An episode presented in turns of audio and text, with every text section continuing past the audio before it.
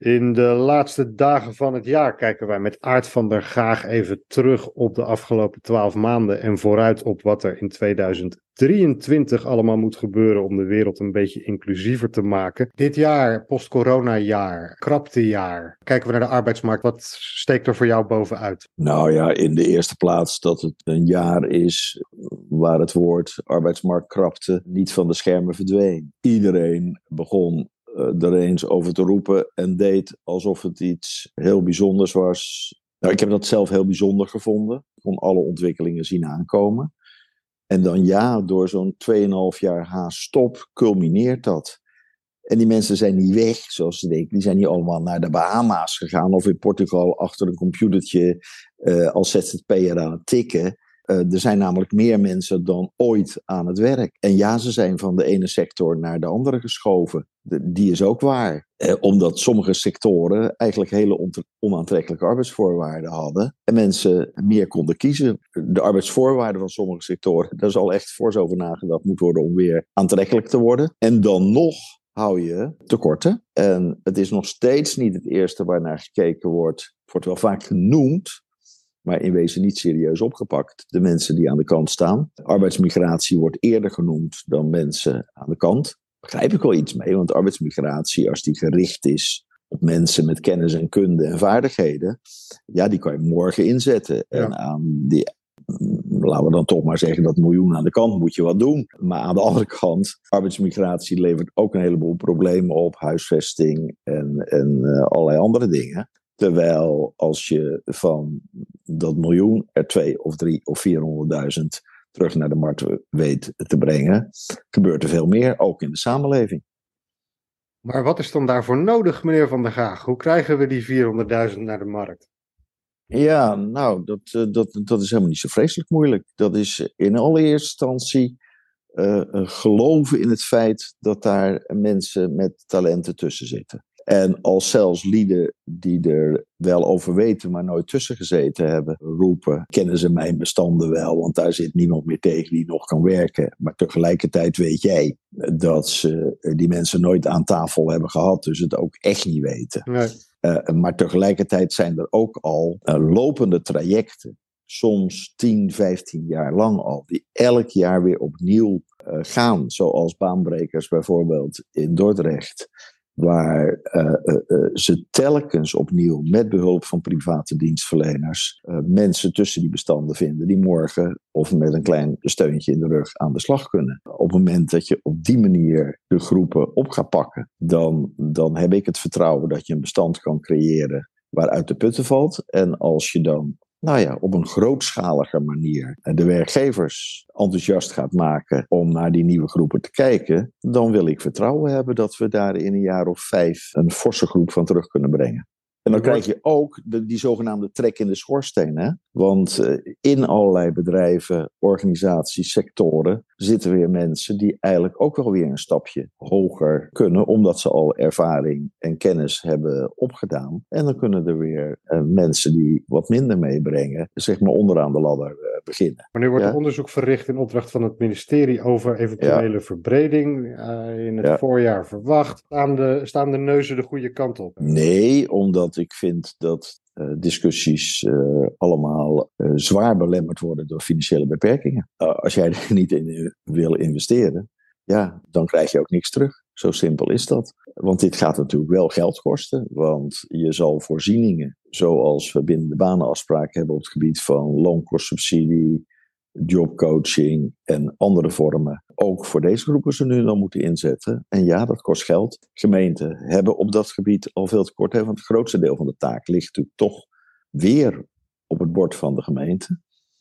En dan zal je ze ook uh, fors uh, tegemoet moeten komen om, om, om dat werk te gaan doen. Je zegt het kost geld. We hebben het er eerder ook over gehad. Het levert natuurlijk ook geld op. Ja. Als we het breder nou ja, bekijken. Kijk, mijn, mijn grootste verbazing in de discussies met SZ2 is geweest dat hun boekhouding op zo'n wonderlijke manier uh, werkt. Dat bijvoorbeeld bespaarde uh, uitkeringen, wat eigenlijk een bron van inkomsten dan is, hè, want die hoeven niet meer uit te geven. En die mensen gaan bovendien ook nog een keertje werken, belasting, meer belasting betalen, et cetera, et cetera. Dus er gaat echt iets gebeuren. Maar dat je die bespaarde uitkeringen niet in je begroting mee mag nemen als daar tegenover niet een systeem van grote boetes, CQ-quota staat, ja, daar viel ik in, alle eerlijkheid van mijn stoel van. Ja, dit zijn wel regels die uh, een oplossing in de weg staan.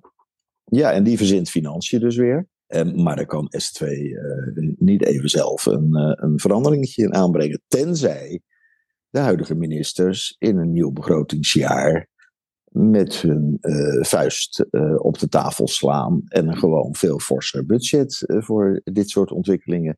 En ik snap het gewoon niet, Kees-Jan. Overal vliegen de miljarden om oren voor de nieuwe compensatiesamenleving. Of het nou is voor energie of andere ellende die mensen krijgen. Maar dat is eigenlijk allemaal weggegeven geld. Dat is niet investeren. Dat is tegemoetkomen. Dan krijg je. Behalve misschien op dat moment een iets minder ontevreden burger uh, uh, toch verder niks aan terug. Wanneer het ophoudt, is het opgehouden. En als je op dit gebied investeert, dan komt het echt terug. Al is het niet voor 100%, dat ga ik niet van tevoren beloven. Alhoewel ik optimistisch ben. Mhm. Maar dit is echt investeren in de arbeidsmarkt, in mensen, in bedrijven. Zie jij iets in het komend jaar wat jou hoopvol maakt? Ja, weet je, we hebben het er niet eens over gehad. Maar sowieso was toen dit jaar voor onze eigen taakstelling hoopvol. We hebben weliswaar eh, de cijfers nog niet van het jaar. Maar het lijkt me stug als het tweede halfjaar veel slechter is als het eerste halfjaar. En die was gewoon goed. Dat betekent dat het project als zodanig meteen weer opgepikt heeft. Dat bedrijven veel meer gewend zijn om ook naar deze groep te krijgen. En dat die groep van bedrijven ook echt veel groter is als tot nu toe uh, aangenomen. En, en dat is hoopvol, want dat betekent dat die olievlek zich gewoon nog steeds fors kan uitbreiden. En dat betekent ook dat er open armen zijn om hele andere type groepen ook uh, op diezelfde manier aan het werk te kunnen helpen. En wie weet, wie weet, ik ben niet zo van de onderzoeken met alle respect, maar als er nu in maart inderdaad rapporten komen van ja, je zou dit project toch op deze manier kunnen verbreden, dan kan ik me eigenlijk niet voorstellen dat dan een Kamer onder aanvoering eh, van een, minister uh, voor armoedebeleid niet zegt: jongens, daar trekken we een miljard uh, of meer even extra vooruit. Dat vinden we wel weer ergens. En dan gaan we echte meters maken. Want Aard, wij gaan door. Dat is het meest heugelijke gebeuren van de laatste maand. Dat er groen licht kwam vanuit de SC2 om samen met de normaalste zaak in ieder geval weer anderhalf jaar ons fraaie werk op deze arbeidsmarkt eh, te doen. Ik denk dat je zo'n onderwerp, wat ondertussen al uh, meer dan acht jaar uh, oud is,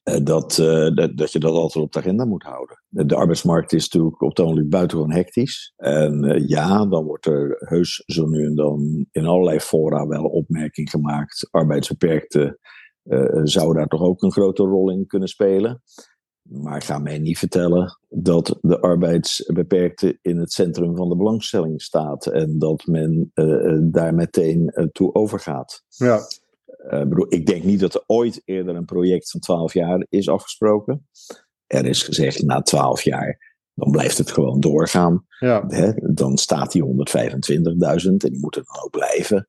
Ja, dat vind ik een supermagere ambitie. Uh, want dan uh, alle nieuwe arbeidsbeperkten of, of, of mensen die alsnog langs de kant staan, die, die, die, die, die hoeven dus niet, want we hebben 125.000.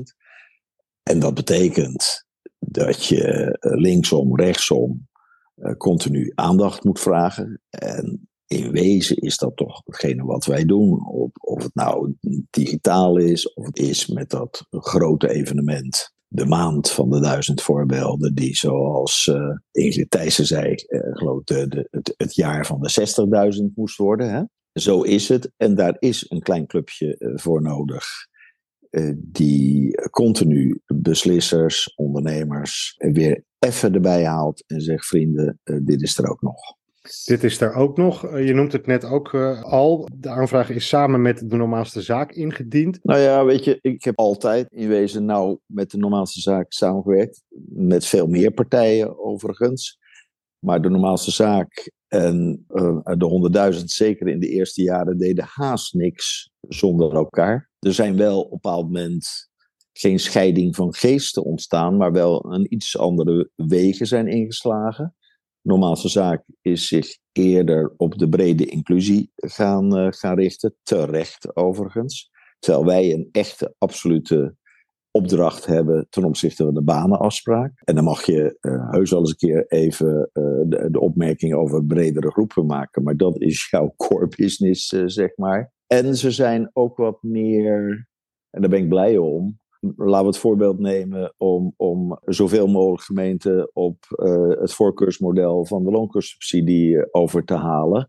Nou, dat is hartstikke intensief werk. Dat is een heel ander type werk wat wij doen. En ik denk dat het hartstikke goed is dat, dat, dat het onderscheidende taken zijn, maar die elkaar wel kunnen ondersteunen. Alles op weg om het voor die werkgever beter en makkelijker te maken, waardoor meer mensen met arbeidsbeperkingen uh, aan de slag kunnen komen. Maar daarover en daarmee in 2023 meer. Voor nu, dank Aard en aan iedereen fijne dagen en een voorspoedig en inclusief nieuwjaar.